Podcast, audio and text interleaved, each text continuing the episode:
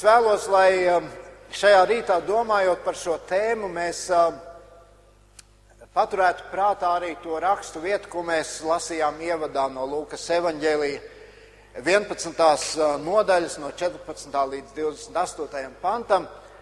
Līdzīgi gadījumi, varbūt uh, tas ir viens un tas pats gadījums, kas tiek aprakstīts, bet uh, tā tēma ir viena. Dēmoni, ļaunie gari, demonu izdzīšana. Un es gribu teikt uzreiz, un arī jūs droši vien būsiet to ievērojuši, ka pēdējā laikā tā ir tāda ļoti, ļoti populāra tēma.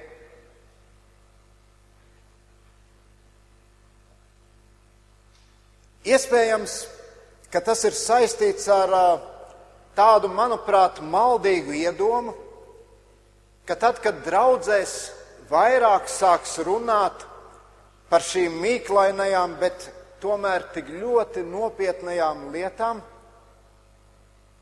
šī tēma spēs piesaistīt vairāk cilvēkus. Cilvēkus, kuriem ir grūtības varbūt ticēt Dievam, bet cilvēkus, kuriem ir viegli iestāstīt un ļaut noticēt dažādām māņticības formām. Un tā doma ir tāda, ka tajā brīdī, kad cilvēks būs noticējis tam, cik reāls ir ļaunums un cik neparastas ir šī ļaunuma izpausmes, tas kaut kādā veidā dos viņam stimulu ticībai. Tas kaut kādā veidā stimulēs viņu piederēt dievam un draudzēji.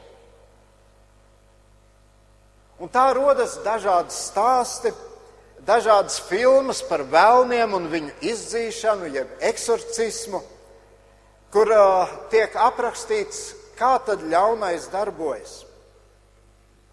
Kur tiek aprakstīts, kā to var atpazīt, un tur tiek doti padomi, kā mēs varam tam pretoties. Un tie padomi ir ļoti dažādi. Tur ir lūkšanas, Tur, tur ir citas metodes, kā mēs varam vērsties pret šo ļoti nopietno garīgo izaicinājumu. Bet tā realitāte, kā tas bieži mēdz mūsu dzīvēs būt, tā ir daudz, daudz sarežģītāka. Un daudzi no šiem stāstiem, vai filmām, vai klipiem, ko mēs varam izdarīt, atrast internetā, ko mēs varam redzēt, tā ir vistīrākā cilvēka fantāzija. Bet sakot to, ka daudzi no šiem stāstiem ir fantāzija, mums ir jābūt arī ļoti uzmanīgiem, ko mēs ar to domājam. Jo kā mūsu evaņģēlīja teksts rāda, un vēl daudz, daudzi teksti jaunajā derībā mums to atgādina, ka notiek šī dieva sadursme ar ļaunumu. Mīļie draugi, mums ir jāapzinās tas, ka ļaunums patiešām ir reāls. Un šis ļaunums, šo ļauno spēku ietekme tā ietekmē mūsu dzīves. Nereti tas pat iznīcina cilvēku dzīves. Bet tajā pašā laikā teikt, ka ik katra cilvēka varbūt dīvaina kustība vai kāda neierasta skaņa, kas nāk no cilvēka mutes, tas ir norādījums uz to, ka cilvēks nu ir ļauno garu apsēsts. To arī mēs nevaram.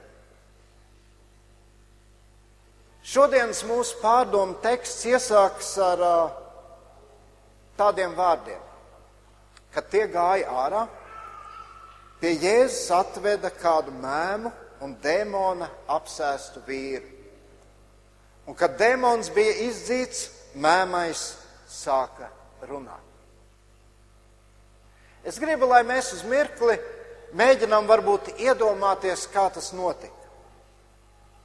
Tas izskatījās kā tāda sastapšanās ar cilvēku, kurš kādā savā varbūt dzīves brīdī, un ne jau tajā jaukākajā un mierīgākajā, bet dramatiskā dzīves brīdī ir pazaudējis spēju runāt. Un tā patiešām var notikt. Kad pie kādiem lieliem pārdzīvojumiem vai varbūt tiešas saskares ar drausmīgu ļaunumu, vardarbību, kaut ko tādu, ko tu galīgi neesi gaidījis, kas tevi pārsteidz pilnīgi nesagatavot. Tas var cilvēka dvēseli tā sastingzināt, ka tas paralizē viņu. Un cilvēks pēc šī notikuma vairs nekad nav tāds, kāds viņš ir bijis. Domāju, tur, kur uh, cilvēki piedzīvo kara šausmas, ir dzirdēts stāsti, un mēs arī šeit Vīlandē to esam dzirdējuši. Bērni pārstāja runāt. Viņi kļūst pavisam savādāk. Šo cilvēku personības ir mainījušās. cilvēks pārvēršas. Viņš noslēdzas no pasaules vai kā savādāk izpauž savu protestu pret to, kas viņa dzīvē ir noticis, kas viņu ir skāris. Un ir tā, it kā vienā mirklī cilvēks ir salūzis, un viņa vietā ir nācis kaut kas pavisam cits. Un tā tas notiek tā tas paliek līdz pat brīdim, kamēr šis iekšējais konflikts cilvēkā kaut kādā veidā netiek atrisināts. Un pie tam šī atrisina, atrisināšana vai atraisīšanās no ļaunās sekām, tā var notikt ļoti dažādi. Tā var notikt pakāpeniski, kad tu kopi veido savu garīgo dzīvi Un dažkārt tas var notikt ļoti pēkšņi un ātri. Piemēram, varbūt cilvēks piedzīvo kādu ļoti citu spēcīgu, satricinošu notikumu. Un viņš saskaras ar to, ar kaut ko, kas viņa līdzšinējo stāvokli atkal izmaina. Un cik mēs varam saprast no šīs un daudzām citām evaņģēlīju vietām, Daudzos gadījumos šīs pārmaiņas patiešām bija ļoti straujas tajā brīdī, kad cilvēks sastapās ar Jēzu. Un šī sastapšanās bija ļoti vienkārša. Tas nebija kaut kāds iestudēts šovs. Ārēji šī tikšanās bija ļoti vienkārša, bet tā uz šiem cilvēkiem atstāja tik spēcīgu dziedinošu, un mierinošu, mainošu un atbrīvojošu iespaidu, ka cilvēki, kas ilgus gadus ir bijuši nospiesti, pēkšņi viņi pārvēršas daudzu citu cilvēku acu priekšā. Pēkšņi viņu dzīvē daudz kas tiek atrisināts. Šis zaudētais līdzsvars Un bieži vien varbūt arī saprāts atkal tiek atgriezts cilvēkam. Ir tā, it kā pēc ilgiem gadiem cilvēks atkal spētu, pateicoties Jēzus klātbūtnei, normāli sarunāties, normāli domāt, normāli justies. Beidzot, viņš ir atkal cilvēks. Un tas ir noticis caur to, ka viņš ir sastapis kādu, kura personība dziedina šos ievainojumus un pārdzīvojumus. Viņš ir sastapis Kristu. Kāda ir apkārtējo reakcija? Mēs lasām, ka viņu domas ir pavisam savādāk.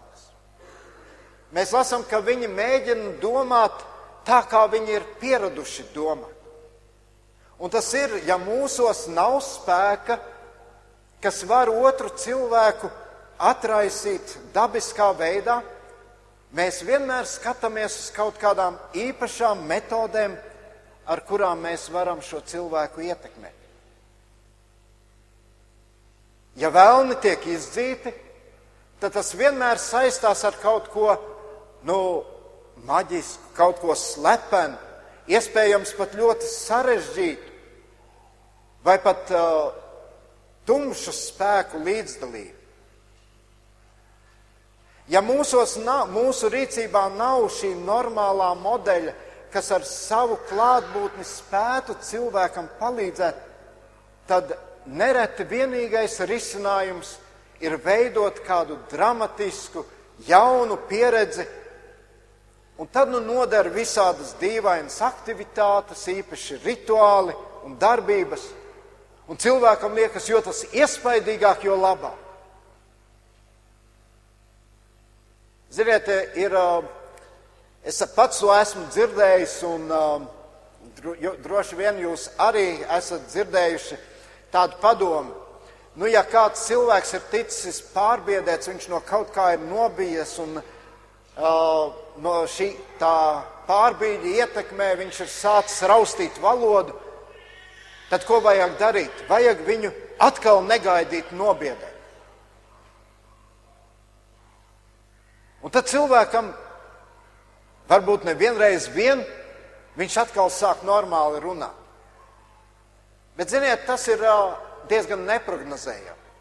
Tu vari izdarīt arī sliktāk. Tā ir tāda, varētu teikt, tāda laimes spēle, un cilvēki to atkārto atkal un atkal. Es to stāstu tāpēc, ka, ziniet, tieši tāda bija cilvēku uztvere toreiz kad Jēzus dzīvoja uz šīs zemes. Un nekas jau nav mainījies. Cilvēki tāpat domā arī šodien. Ir jālieto kādi īpaši paņēmieni, lai izmainītu cilvēku. Sastopoties ar to, ka cilvēki Jēzus klātbūtnē kļūst veseli, ka Jēzus klātbūtne uh, liek viņiem atkal domāt, just, apkārtēji izdara secinājumu, ka Jēzus lūk ir līdzīgs šādiem meistariem pēdiņās. Un tad viņi sāk minēt, ar kādām metodēm tad Jēzus to panāk. Tur ir jābūt kaut kādai tehnikai. Tā nevar būt, ka vienkārši viņa klātbūtne izmaina cilvēku. Droši vien viņš kaut ko īpašu dara. Mēs pat to nevaram nojaust, bet kaut kas tur ir. Kas tas varētu būt? Un, ziniet, tādā brīdī šie visi Jēzus kritiķi saskata iespēju viņu apvainot. Viņi saka, Viņš izdzen dēmonus ar dēmonu valdnieku palīdzību. Viņiem liekas, ka Jēzum ir kontakts ar šiem dēmoniem, un tāpēc viņi klausa Jēzum. Mēs ievadā lasījām Jēzus atbildi uz izteikto kritiku. Un es gribētu teikt, tā Jēzus atbilde ir ļoti tāda ironiska. Man pat liekas, ka Jēzus to dzirdot, viņš tā pasmaidīja un teica, ziniet, lielākā daļa gadījumu tā arī ir, ka ļauno garu izdzīšana jau neko nerisina. Bet eh, šo vienu problēmu aizsadz ar citu. Vienu traumu mēģina dziedāt ar nākamo. Tas, ko šie cilvēki saskatā, saskata Jēzu un viņam pārmet, ir ļoti cieši saistīts ar viņiem pašiem. Un viņi nemaz nespēja citādi domāt. Tāpat viņi domā par Jēzu. Un dara to tāpēc, ka kaut ko līdzīgu dara viņi paši. Un tieši tajā, ka Dēmons tiek izdziets, izdzīts ar dēmonu palīdzību. Viena nelaime tiek ārstēta ar vēl lielāku nelaimi. Tur jau parādās šo norišu absurds. Vēlns tiek dzīts un izdzīts, cilvēka dzīves tiek pār, pakļautas dīvainiem pārbaudījumiem, pretī tiek iegūta slava un bieži vien arī nauda, bet problēma paliek. Tā problēma paliek neatrisināta. Jo bieži vien tie, kas ar to nodarbojās, tie izrādās vēl slimāki par tiem, kurus viņi ārstē. Un cilvēki, kuriem Jēzus šeit izsaka pārmetumus, patiesībā atklāja to, ar ko viņi paši nodarbojas. Un Jēzus šeit šajā sarunā nostājas pret to, ko praktizēja tajā laikā. Un praktizē, diemžēl, arī šodien. Cilvēki cīnās ar ļaunumu, bet rezultātā apkarot to, kas īstenībā varētu šo ļaunumu patiešām uzvarēt. Vecajā derībā ir, ir kāds stāsts, kāds ļoti zīmīgs brīdis aprakstīts no Jeremijas dzīves, Jeremijas grāmatā 26. nodaļā. Un tur Dievs liek viņam savai tautai sacīt kādas ļoti nepatīkamas lietas. Un, ziniet, nepatīkamas lietas nav viegli uzklausīt. Viņi negrib to dzirdēt, viņi saceļas pret uh, Jeremiju, aplens viņu naida pilni un saka, tu, tu esi nāvi pelnījis, kā tu vari mums tādas lietas sacīt? Un tikai brīnumainā veidā Jeremijam izdeva, izdodas izglābties. Vēlāk Jeremija, kurš paliek uzticīgs Dievam un saka to, ko Dievs liek sacīt, vienalga savējie viņu nogalina. Tie nebija kaut kādi savākti ļaudis. Tie nebija neticīgi ļaudis, tie bija pulcējušies templī, ticīgi ļaudis.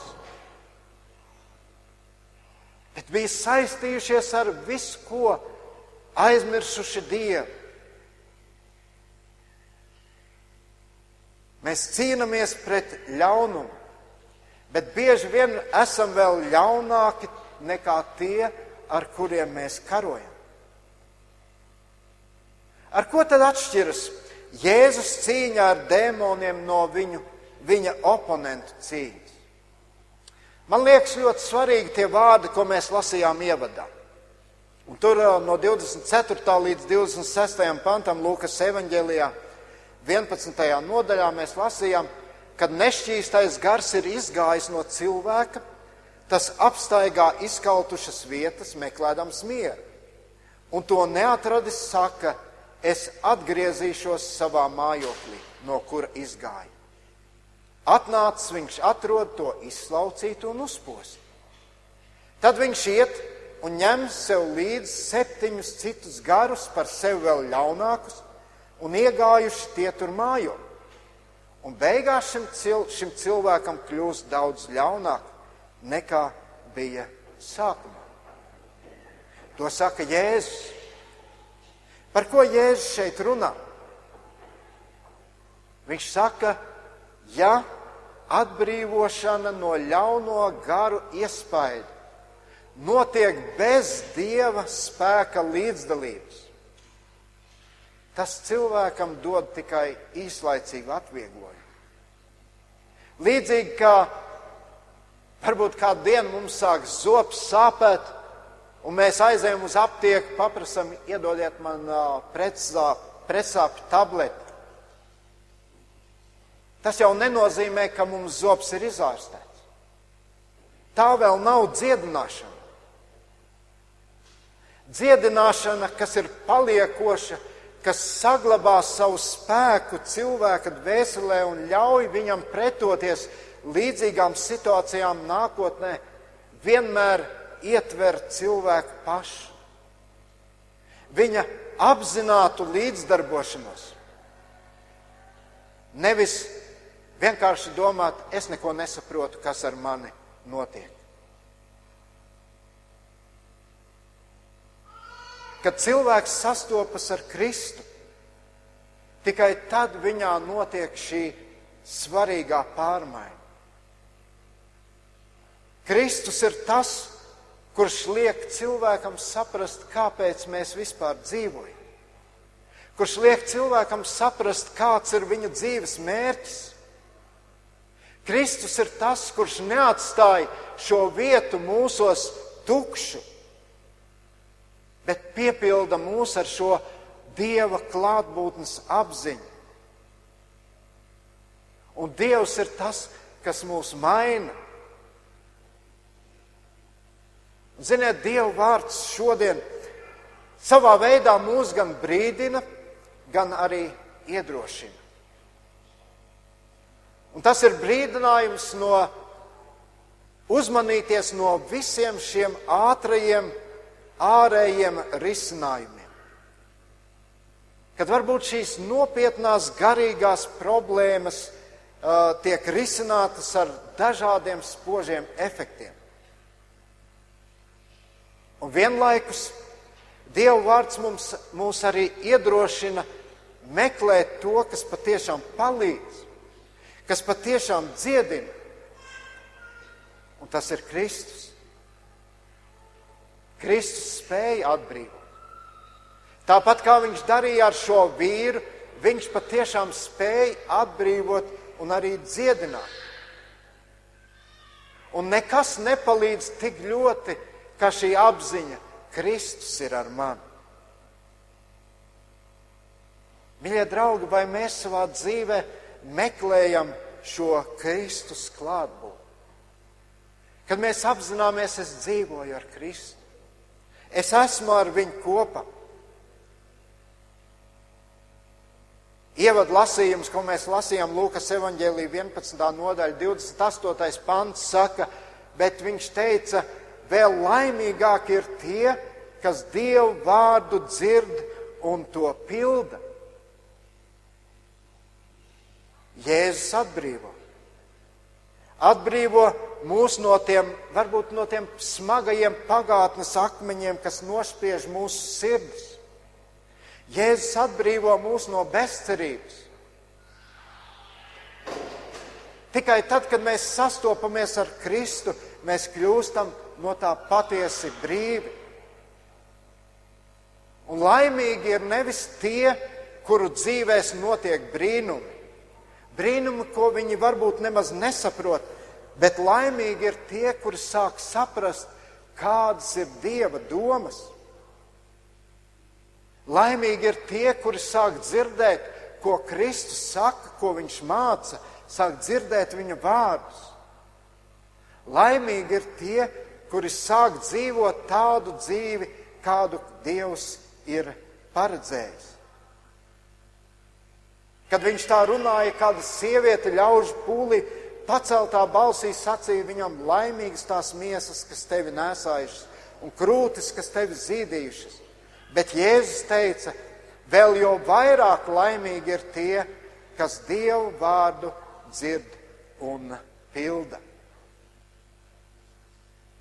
Kristus rāda, kāds ir šis dziedināšanas ceļš. Un katram no mums ir iespēja šo ceļu iet. Protams, tā reakcija, ko mēs redzam tur, tajā reizē, bija pavisam savādi, citādi. Tas bija klajš noraidījums. Mēs neatzīstam Kristu tavu varu. Tu sadarbojies ar kaut ko ļaunu. Mīļie draugi, mēs esam tik daudz domājuši par to, ka Jēzum pieder šī vara. Matejs savā evaņģēlijā Uh, mums atklāja Jēzu kā ķēniņu, kā valdnieku, kurš joprojām valda. Vai tas tevi uzrunā? Vai tu esi piedzīvojis šo Kristus varu, kurš arī tevi var atbrīvot no dažādām saistībām? Un to piedzīvot ir iespējams tikai tad, ja tu atzīsti Kristu, ja tu tuvojies Viņam ja tu pielūdz viņu, ja tu atzīsti viņu kā valdnieku, kā ķēniņu arī savā dzīvē. Vai tu redzi tādu Kristu savā dzīvē? Lūksim Dievu. Debes Tēvs, paldies Tev, ka Tu Kristus sūtīji šajā pasaulē un ka dzīvojot uz šīs zemes, Kristus tuvojās cilvēkiem. Tik dažādiem cilvēkiem, nelaimīgiem, apspiestiem, saistītiem, slimiem. Un paldies, ka Kristu tu parādīji savu varu, ka tu esi valdnieks, ka tev piedara vara arī pār šīm lietām. Kungs, un mums nav citas iespējas šodien. Ja mēs patiešām gribam piedzīvot patiesu atbrīvošanu, patiesu brīvību savā dzīvē, brīvību no varbūt tām pagātnes sekām, kas mūs saista, kas mūs nomoka, kas mums liek justies slikti šajā dzīvē. Paldies, ka tev tuvojoties, mēs varam saņemt šo dziedināšanu. Kungs, un palīdz mums nemeklēt šo dziedināšanu kaut kur citur, bet meklēt to pie tevis. Paldies, ka šodien tu mums to atgādini. Tu mums to māci, tu mūs iedrošini to darīt. Paldies, Kristu, tev par šiem vārdiem. Āmen!